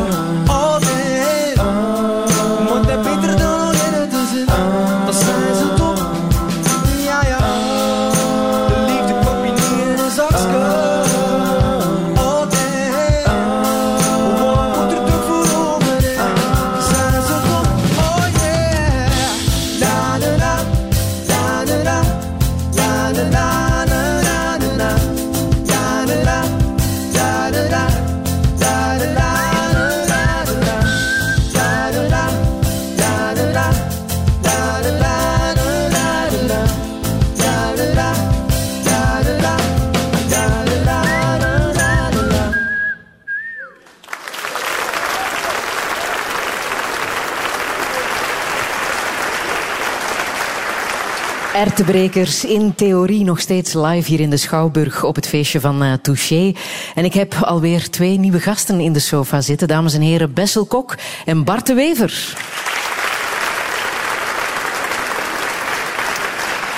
Bessel Kok, de man die begin jaren 90 de RTT omvormde tot Belgacom en ons de mobiele telefonie schonk, woont ondertussen al jaren in Praag. Ken jij Bart de Wever? Nee. Nee. Toch één iemand in de wereld die Bart de Wever niet kent. Hoe komt dat? Van reputatie wel, absoluut. Van reputatie. Bart de Wever, wat gaan we daaraan doen? Eh, zo weinig mogelijk. Eh, kent u Bessel Kok? Ik ken hem eh, van zijn geschiedenis uiteraard, van wat hij gepresteerd heeft en de manier waarop men afscheid van hem heeft genomen. Ja, dat was eh, niet zo netjes misschien. Men heeft hem gewoon bij de deur gezet om politieke redenen. Zo eenvoudig is dat. De PS uh, besliste dat hij moest gaan en dan moest hij gaan. En dan moest iemand van hen in de plaats komen die ondertussen ook weer is verdwenen. Dat heeft Bart de Wever over jou onthouden. Het is een uh, goede herinnering. Welke herinnering heb jij aan de RTT, Bart de Wever? Uh, een zeer weinig herinnering nog. Uh, ik herinner me wel nog eens dat ik daar een lijn moest laten afsluiten omdat mijn vader overleden was en dat ik daarvoor aan de balie moest komen, fysiek. En dat die persoon dan zei, ja nee, die man moet zelf komen. Ik zeg, ja maar hij is overleden. En hij zei, ah ja, dan zullen we een uitzondering maken. ik vond het nogal een zeer ambtelijk bedrijf met Oost-Europese trekjes. Als je dat vergelijkt met wat er van gemaakt is, is dat iets anders. Al denk ik dat nu de telecom eigenlijk zou volledig moeten geprivatiseerd worden. Dat is mijn opinie. Wat zegt Bessel Kok daarop? Um, ja, ik, uh, toen, ik, toen ik bij de RTT kwam, werkte daar, ik dacht 28.000 mensen. Statutairen waren, heten die toen nog. En, uh, um, ik, heb altijd gevonden dat de reputatie van de RTT mensen de bediendes of arbeiders onterecht was. ze hadden een vreselijke reputatie. Ik geloof dat mijn taak is geweest om ze toch weer een soort zelfvertrouwen te geven. Het was de, uh, het meest gehate bedrijf van België eind jaren 80. Met 1 miljoen mensen die op een telefoon wachten. Zonder, sommigen tot 20 jaar. Ja. Dus het verhaal van meneer De Wever is correct. Ja. Ja. ja. Vele mensen waren overleden als de man van de RTT aan de deur kwam om een telefoon op hm. Ik hoop dat dat ondertussen anno 2017 toch iets beter is. En dat is ook wel zo. Ik heb ook een centrale vraag voor jullie. Um, wat is goed leiderschap? Dat zou ik van jullie willen weten. Bart de Wever. Ik denk dat goed leiderschap het beheersen is van het samenspel tussen autoritas en potestas. En ik denk dat dat altijd zo geweest is sinds de mens bestaat en dat het ook in elke context van leiderschap geldig is. Die twee polen, die moet je beheersen en het samenspel ervan beheersen. En dat is heel erg moeilijk. En vrij vertaald, dat is? Wel, uh, potestas is uh, macht. En dat betekent dat je een ander iets kan aandoen. Je bent leidinggevend. Mensen die niet naar je luisteren, zouden er gevolgen van kunnen dragen. In de oudheid bijvoorbeeld het vege lijf verliezen. Een horige kon letterlijk ter dood of een slaaf uh, kon ter dood gebracht worden. Nu zou je kunnen zeggen, kan ontslagen worden. En dus kan je maar beter luisteren. Autoritas is het vermogen om mensen te doen volgen op basis van vertrouwen. En je kan nooit 100% op autoritas uh, leunen. Dat gaat niet. Op een gegeven moment moet je, als het de spuigaten uitloopt, als je de leiding hebt, wel durven zeggen, nu is het genoeg geweest, ik gebruik macht, ik neem afscheid van mensen. Het omgekeerde, als je 100% op macht gaat leunen, dat kan. Dat kan je een tijdje volhouden, maar het is zelden gezellig. Het loopt meestal slecht af. Die leiders eindigen meestal niet in hun bed en leiden over het algemeen een vreselijk bestaan van ongelooflijke eenzaamheid. Ze zijn meestal zeer, zeer rijk, kunnen zich dan daarin huldigen zoals Saddam Hussein als die zo'n paleis openging. Dat staat dan vol wanstaltig lelijke kunstvoorwerpen, gouden toiletten, maar je leeft daar eigenlijk als een gevangene van je eigen macht. Dus dat, dat gaat ook niet. Het moet altijd een mix zijn van die twee, maar dat is heel, heel moeilijk om dat te bereiken. Bessel Kok, wat is volgens jou goed leiderschap? Er zijn boekenkasten vol over geschreven. En uh, ik denk dat er verschillende vormen van leiderschap zijn. En dat uh, er zijn eigenlijk wel zes of zeven vormen van leiderschap. Zeer vermoeiende definities. Ik denk dat het zeer persoonlijk is, leiderschap. Het hangt af van de persoon die je bent, welke vorm van leiderschap het beste bij je past. Uh, voor mij de, de hoofdpunten van leiderschap zijn motivatie creëren, uh, inspireren, goed definiëren waar, wat de missie is van de onderneming in mijn geval. En uiteindelijk met veel humor en een grote dosis zelfkritiek proberen het bedrijf die missie te laten uitvoeren. Het is niet hetzelfde als managen. Dat is wel een groot verschil. Mm. U was heel erg goed bevriend met Václav Havel. Hè? Uh, ja. U heeft hem uh, persoonlijk gekend, gewezen president van Tsjechoslowakije en later van Tsjechië. Waarom was hij een goed leider? Hij was uh, ja, wat men noemt een moreel leider. Hij, mm -hmm. was, uh, hij wist op het juiste moment in zeer korte bewoordingen een, een situatie te schetsen waardoor je het gevoel had, dit, dit is de manier waarom ik ermee om moet gaan. En dat de timing en zijn, zijn hele zachte en bevlogen manier om dat te formuleren. Hij was schrijver, uh, um, toneelschrijver ook. Ehm, dat was inspirerend. Dus hij was een inspirerend, motiverende leider. Maar dat is puur natuurlijk. Hij was niet een eh, getrainde manager. Bart Wever, is het belangrijk dat een goed leider er scherp, vitaal en gezond uitziet?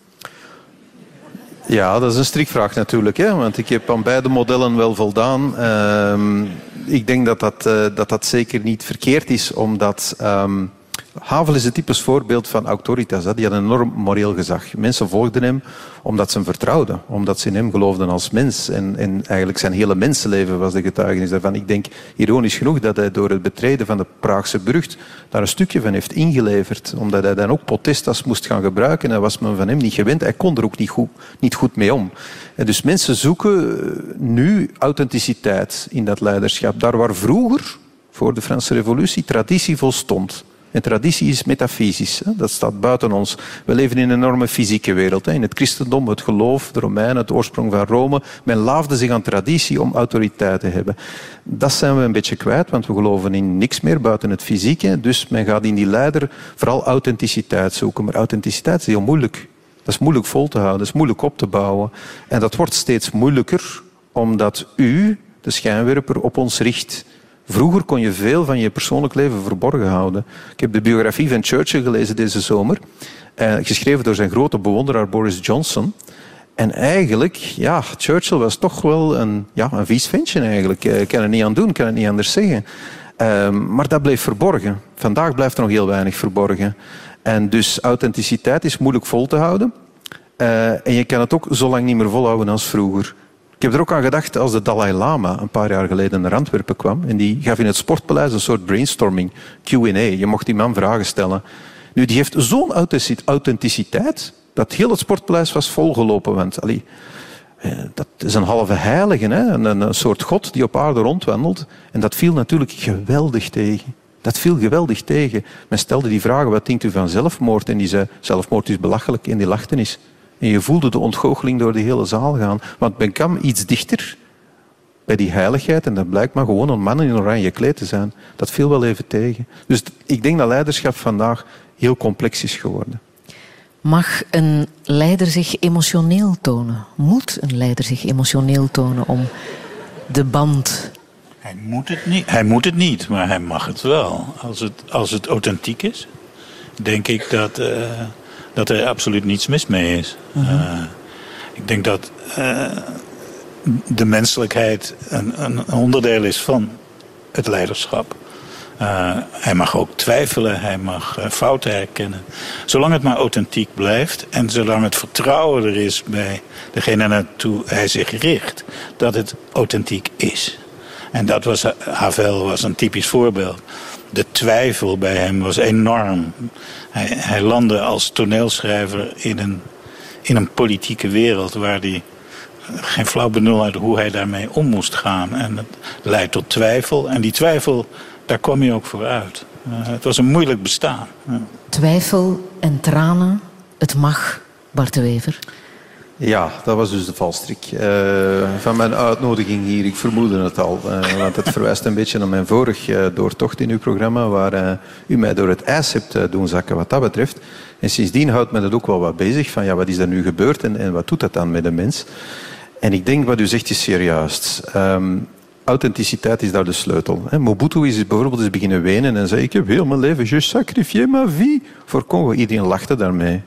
Want dat was een gewone brutale machtsdictator die zichzelf verrijkt had. Niemand geloofde die tranen. Dat was bijna de ultieme belediging dat hij dat durft zeggen. En dat waarschijnlijk nog zelf meende ook, want zo eenzaam zijn die mensen dan. Als je natuurlijk authenticiteit wel hebt, denk ik dat je die emoties wel kan eh, tonen. Als het ook op een authentieke manier gebeurt. Maar ik heb vastgesteld dat je je dan eh, wel susceptibel maakt voor eh, heel veel kritiek. Met name op die authenticiteit. Eh, mensen die gaan zeggen, ja, je hebt dat in scène gezet. Je bent dat daar gaan doen om jezelf een bepaalde reputatie aan te meten. En dat is, ja, eh, daar heb ik het wel heel moeilijk mee gehad, moet ik zeggen.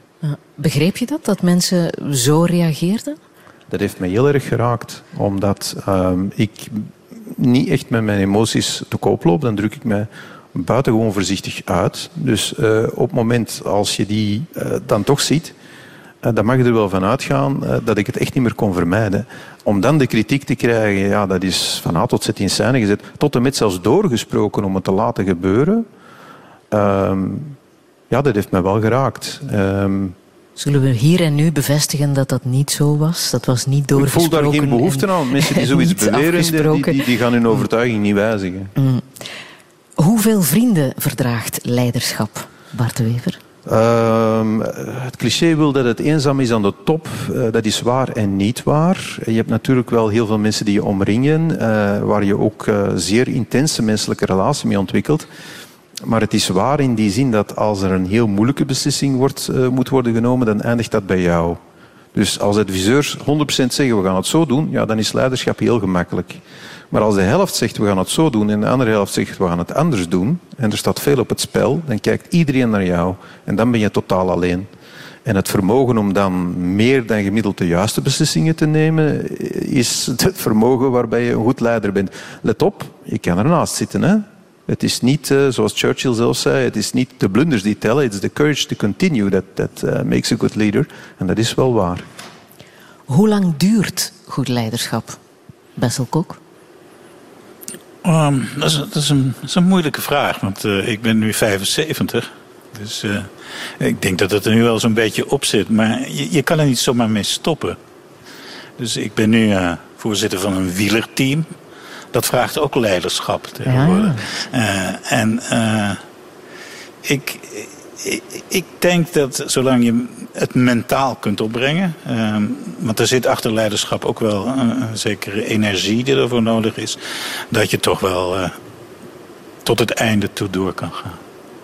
Op het gevaar af dat je dit ook alweer als een strikvraag ziet. Hoe lang duurt goed leiderschap, Bart de Wever? Ja, uh, ik denk uh, korter dan vroeger. Omdat je er dus, omwille van de, de vereisten van authenticiteit, moet je er meer van jezelf in inleggen en, en, en consumeert het je. Um, en ik denk zeker in mijn stil, de politiek, dat we naar kortere carrières zullen gaan. Hè? Dus de generatie van de verzuiling, waar eigenlijk nog veel traditie was en autoriteit door traditie. En mensen 40, 45 jaar aan de top in de politiek konden meedraaien, dat is volgens mij echt gedaan. En in die zin uh, hou ik het eigenlijk al wel heel lang vol. En dan is de vraag, waar is je vervaldatum? Ik heb mijn overlijdensbericht politiek dan in de krant al tien of twintig keer gelezen, maar ik zit hier nog altijd.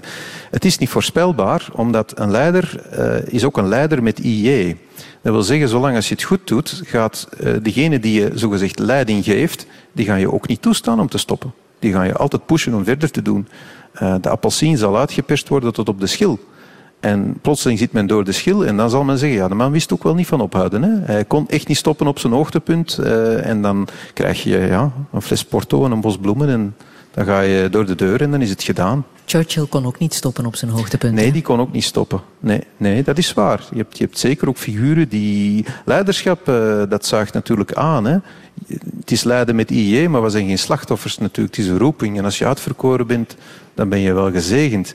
Dus je, het is push en pull. Ze duw je erin, maar je wordt er natuurlijk toe aangetrokken. Maar ja, op een gegeven moment zal dat wel eens te ver gaan, zeker. En als je zelf kon kiezen, hoe eindigt goed leiderschap? Ja, liefst op een hoogtepunt natuurlijk, maar ik denk dat je dat niet echt in de hand hebt. Uh, liefst op een moment dat je het eigenlijk kan overdragen uh, op een manier en men zegt, ja, het is goed beheerd en het kan goed overgenomen worden, maar dat denk ik heb je niet zelf in de hand. Ben je daar klaar voor? Ben je daarmee bezig? Uh, ik ben daar zelf mee bezig, ja. ja ik ben er wel mee bezig. Uh, met, het, met die overdracht, hè? het zoeken naar iemand en het kiezen van een moment in de toekomst dat ik eigenlijk altijd wel in mijn hoofd heb. Alleen verschuift dat geleidelijk aan weer wat verder naar de toekomst. Het is onlangs weer verschoven naar een jaar iets verder in de toekomst, maar ook niet in de hele verre toekomst. En is er al een nieuw Bart de Wevertje ergens in de maak? Ik mag hopen van niet. Hè? Uh, want als er een nieuw Bart de Wevertje is, dan duwt hij waarschijnlijk het oude Bart de Wevertje van de trap. Hè? Ook zo gaat het wel eens met leiders. Um, Nee, ik denk dat het slechtste dat je kan doen is om het over te dragen aan iemand die het meeste van al op jezelf lijkt. Dat lijkt mij, zowel voor degene die overneemt als je organisatie, een afschuwelijk slecht idee. Hoe eindigt goed leiderschap? Ja, als het mijn vorige antwoord was, eigenlijk nooit. Want het, het, het blijft toch een, eh, een vorm van. Uh, een, een, vorm van een persoonlijke identiteit. Dus ik denk dat uh, het een kwestie is van fysieke gesteldheid. En ehm, mijn leiderschap binnen de RTT uiteindelijk is niet gevraagd door het personeel. Het is gestopt door de politiek. Dus eh, ik had het graag nog een tijdje doorgegaan. Maar, eh, eh, dus het, en het is doorgegaan in Tsjechië precies dezelfde job. Zonder enige politieke interventie. Ik ken een wonderlijke situatie. Dat in een oud communistisch land je de vrijheid kreeg om iets te doen. Terwijl je in België, ik weet 24 politieke partijen moest tevreden stellen over de keuze van een meubel in de gang. Dus eh, dat was leiderschap is stopt meestal door een externe factor. Daar wordt aan gewerkt. Hè. We werken aan ons land om het te verbeteren. Laten we daarmee afsluiten. Ik ben ermee bezig. Geef ze nog een applaus. Bessel Kok en Bart de Wever.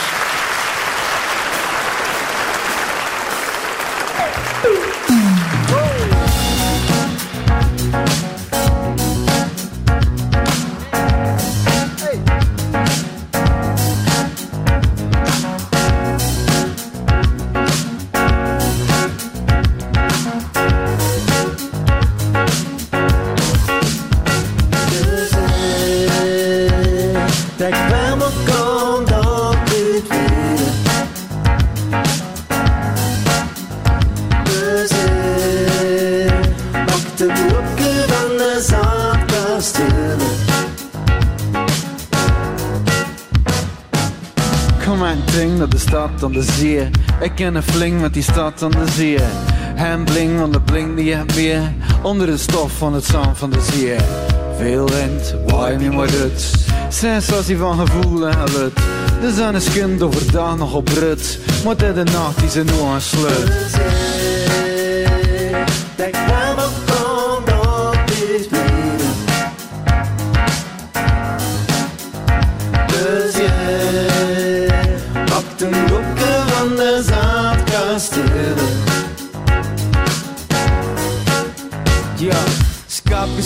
Met mijn voeten in het water. Flesje kropen net een dit met mijn man. De zon houdt onder, maar we gaan nog niet aan slaap. We zitten op straat met de gitaar en dan en het zandbloed en man. De hele kan bekant, maar trek het me niet aan. En blijven zitten op zijn macht. In ieder geval de nacht, ja, de zee is een praat. Maar een hak ik op ja, maar square de meisjes en Dus je trek bij me kant op dit weer.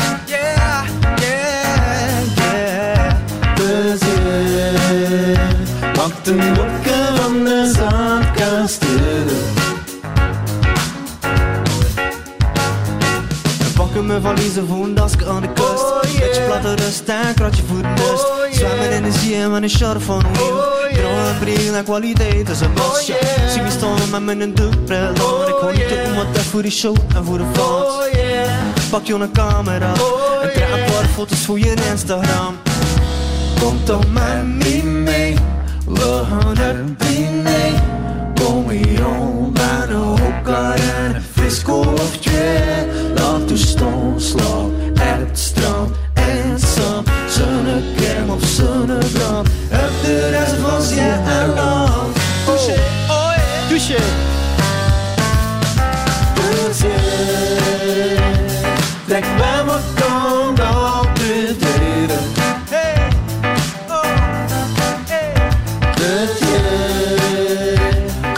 Don't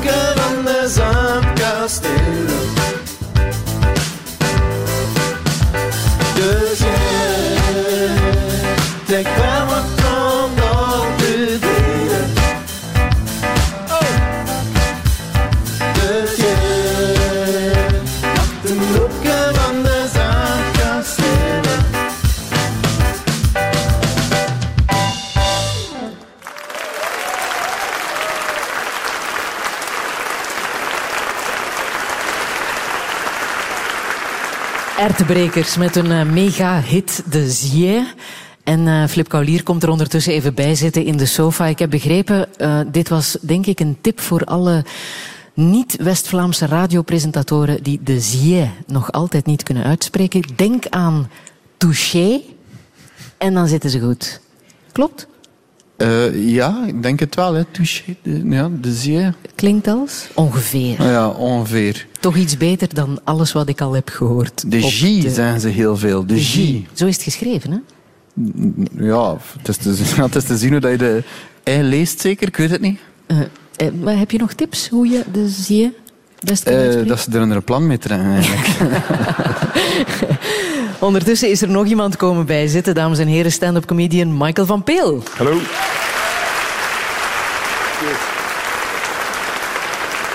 En ik zeg ook dat we heel graag Arno mee in de sofa hadden zien zitten, maar die heeft helaas eh, Die is was, eh, overvallen door, Ziek. door ziekte. Ligt wel ziek in zijn bed. Ja, ja, ja. Maar we zijn blij met jullie in de sofa. Heren, want ik heb nog een laatste lastige vraag op te lossen in deze feestelijke touché.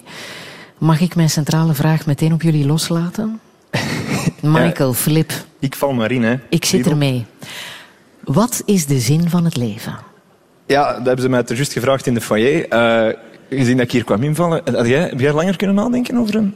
Nee, want, want de vraag was eerst eh, iets anders. Oei, maar aangezien, wat was ja, de vraag? Nee, dat wil ik dan wel weten. De vraag was, eh, wat is er zo wonderbaarlijk aan eh, West-Vlamingen? Ah, aan ja. West-Vlaanderen? Wat verdikken? En daar mag ik niet op antwoorden, of wat? Nee, dat mag Jawel, niet. dat mag je ook. Mag je ook. Als dat, misschien- eh, misschien... Wat, is het, wat is de zin van het leven eigenlijk, eh, Michael? Ik denk de West-Vlaming. ik denk dat de West-Vlaming het gevonden heeft, maar dat wij nog allemaal onderzoeken. En dat daarom zo'n soort gesloten verbond is ontstaan met een eigen taal, een eigen cultuur. De Ja. G. De G, ja. De G, de G is het, geloof G, ik. Ik geloof dat het G was. Nee, maar ehm, ik, ik denk, ah, in dat kort kwartier dat je mij hebt gegeven, eh, om even paar duizend jaar filosofie samen te vatten, ik vind het een stomme vraag. om het even in het Antwerps te zeggen dan. Hè. Ja, ik weet nog waarom? vroeger was er ooit zo'n programma, Moeder, waarom leven we? Ik, als, als kind zag ik dit titel en ik dacht, wat, wat voor een idiote vraag is dat nu? Waarom niet? Ah ja, die, die vraag kun je ook stellen. Ehm, maar ik denk, stoppen met zoeken naar de zin van het leven. Ik denk dat dat de, de, de, de sleutel is. Een beetje Epicurus, hè? vrienden, vrijheid en, en zelfverwezenlijking. Ik denk dat dat voldoende is. En, dan, en stoppen met zoeken en dan vind je het zelf wel. Flip? Ja, het is waar. Het is, het is, het is een moeilijke vraag. Hè. En, en eerlijk gezegd, denk ik er nooit over na. Dat, dat is de sleutel. Maar, maar ik voel wel, als ik, als ik, ja, als ik het misschien eh, een keer wat lastiger heb of zo, merk ik wel dat het kan helpen als je, en dat klinkt heel melig, maar als je er zit voor andere mensen, als je probeert te geven. Wat is het eerste wat jij denkt als je 's morgens opstaat? Het eerste dat ik denk als ik 's morgens opsta. Eh, 's morgens ook. Ja, In het geval van Philippe is dat misschien af en toe 's middags? Het is Opstaan? altijd 's morgens. Ik ben altijd vroeg wakker. Meestal denk ik van, goh, ik had wel wat langer willen blijven liggen. Michael? Ik denk hetzelfde eigenlijk. Ja. Ja. Ja. En s'avonds, als je in je bed komt? Goh, ik, ik, eh, je- ja, je vraagt me dat nu op een moment. Ik eh, ben zo se- sedert een jaar zo bezig met zo mezelf op allerlei manieren te verbeteren. Allee, ik probeer dat toch. En ik ben dankbaar s'avonds. Echt waar? Ja, ja, ja. Ehm, ik probeer allee, gewoon om mezelf zo wat een boost te geven. Hè. denk ik van, hoe, wat was er nu tof vandaag? En Een merkt- zen-momentje. ja, en je merkt dat er heel veel is. Zelfs in een, in een redelijk gewoon leven. Zo. Mhm.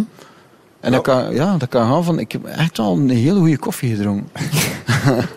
Michael? Of ik ben naar de zee geweest. Ben ik, ja. Maar ik denk dat, ik denk dat Flip volledig gelijk heeft. Net in die omkering, je hebt er al twee om, omgekeerd. Hè. Je zegt eh, dankbaarheid in plaats van je eigen verongelijkt voelen, want ze hebben mij tekort gedaan.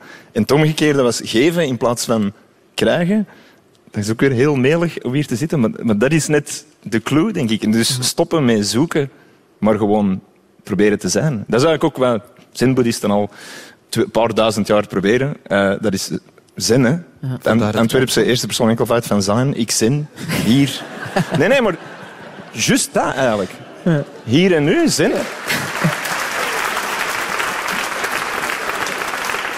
Van wie heb jij het leven geleerd, Michael? Wat heb ik van het leven geleerd? Van wie heb jij het leven geleerd? Oh, ehm, oh eh, eh, Heel veel boek- mensen hebben een soort... Vrienden, oh. boeken, Ja? mensen dat je tegenkomt, eh, schrijvers, maar eigenlijk ook heel veel. Door op reis te gaan en mensen tegen te komen voor maar een fractie van je eigen leven, Maar in die heel kleine ontmoetingen... Ik heb dat gisteren nog verteld tegen iemand. Ehm, in diezelfde dankbaarheid dat ik heb... Ben zo af en toe nog eens met de Vespa op reis getrokken en dan zit je redelijk kwetsbaar. Dan hangt er nogal af van, van de, kindness of strangers. Van mensen die je gewoon helpen onderweg.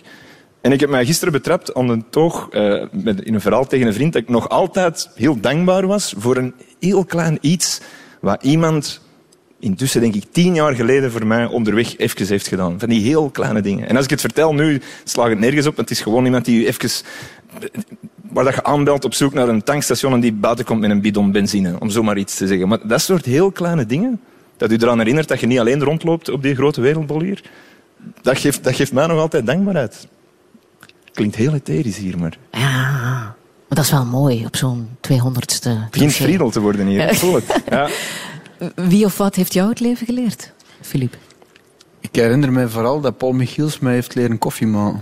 Ah, ja, Paul Michiels, nota Ja, ik zat in een band met Jan Leijers en eh, Paul Michiels kwam eens langs in de studio. En die zei, kom, we hebben koffie nodig. En ik keek zo wat hulpeloos en hij zei, je kunt toch koffie maken? Ik zei, ja, nee. En dan heeft hij mij geleerd dat, eh, eh, dat je moet je filter aan de onderkant overplooien. En dat hij dat niet kan dichtklappen. Maar ik had nog nooit geen koffie gemaakt, dus, dus ik had er ook nog nooit bij stilgestaan dat dat misschien een handeling was dat je nodig had ervoor. Maar eh, dat is het eerste dat bij mij opkomt eigenlijk. En sedert dan drink ik serieus goede koffie. Het goede leven, hè? Het goede leven. Paul Michiels is wel een soort zen-boeddhist. Die heeft mij leren scrabbelen, bijvoorbeeld. Echt waar? Ja. Ik ben je tegengekomen in een kleedkamer ooit en die zei, we gaan scrabbelen. En ik zei, hallo, ik ben Michael van Peel. En eh, toen zijn we gaan beginnen scrabbelen. En ik had dat ook nooit, nooit echt gedaan. Dus Paul, misschien is Paul Michiels wel de heiland, gewoon. Wie weet. Komen we graag. toch tot bijzondere conclusies. Met wie zou je wel eens willen wisselen van leven? Misschien wel met Paul Michiels. Hey, gelacht. Mag ik, dan, eh, mag ik dan Jan Leijers zijn? Hey, we beginnen een band, Ja. kijk goed. Als daar maar geen muziek van komt. Ja, Als ja, daar maar de stel, wereldvrede kan beginnen, dan is het Midden-Oosten niks. Hè. stel nu dat je je muzikaal talent moest inleveren. Met wat voor talent zou je het dan doen? Ja, met wat voor talent? Dan denk ik dat... Ja, talent is er niet meer, denk ik. Ehm, maar ik zou wel eh, graag zo animator zijn in, in, in een hotel in Benidorm of zo. Ah ja. ja, zo'n beetje een Kurt Rogiersachtige figuur zijn. En dan proberen nog zoveel mogelijk te scoren. En goede koffies te maken, waarschijnlijk. En goede koffies te maken. Ja. Ja. Wat zou jij doen zonder je komisch talent? Eh, stempelen zeker. Ik, mislukt. Eh oh, ik weet, dat weet ik niet. Dat weet ik. ik had nooit gepland om comedian te worden. Ik, ik, ik had ja, handelsingenieur gestudeerd, dus dat, eh, dat slaat totaal nergens op. Rockster zijn, denk ik. Dus, eh, heel vaak zeggen comedians gewoon dat ze mislukte rocksterren zijn. En dat, dat is ook wel. Je wil op een podium staan, maar je kunt niet zingen en je kunt geen instrument voldoende beheersen. Dus dan begin je maar te lullen, bindteksten te verzinnen. En die worden langer en langer en aan het einde valt dat instrument weg. Alle muzikanten willen eigenlijk stand-up comedians zijn. Hè? Want, want dan, dan, dan, dan kan je alleen naar een optreden gaan en al het geld in je eigen zak steken. Dat is waar.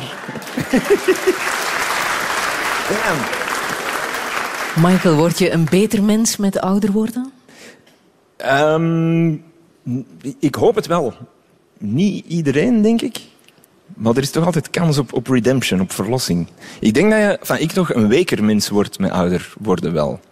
Eh, vergevingsgezinder, hopelijk. Verdraagzamer, al is het maar in dat laatste kwartier of zo. Maar al ja, dat gaan we zien. Hè. Het is hier in Leuven eh, nogal griezelig rijden op de ring, dus misschien zoiets. Filip? Als je het geluk hebt dat je niet gefrustreerd zit, dan denk ik ja, dat je wel beter wordt. Omdat als je een keer dat je je plaats gevonden hebt, dan, dan maakt dat allemaal niet zoveel uit dat je ouder wordt. En je kunt naar alles kijken met een zekere afstand en zo van, ja, het is goed. Ik denk, als je dat kunt, hè, Aanvaarden ja, en loslaten. ja, goh man, jongen, we moeten eh, Dit is- een keer naar Ingeborg. Ik heb echt de indruk dat dit een uitzending was van Touché. Heren, ik wil jullie ongelooflijk bedanken. Michael van Peel en eh, Flip Kaulier.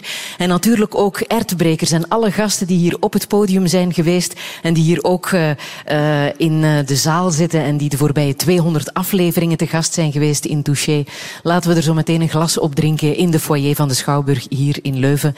En als je thuis aan het luisteren bent, doe gerust hetzelfde. Kraak een fles vinden we alleen maar gezellig. Alle touchés zijn trouwens te herbeluisteren via onze website radio1.be. Goed voor 400 uur luisterplezier. En volgende zondag, echt waar, ik beloof het, doen we weer helemaal gewoon. Dankjewel om hier te zijn. Dankjewel.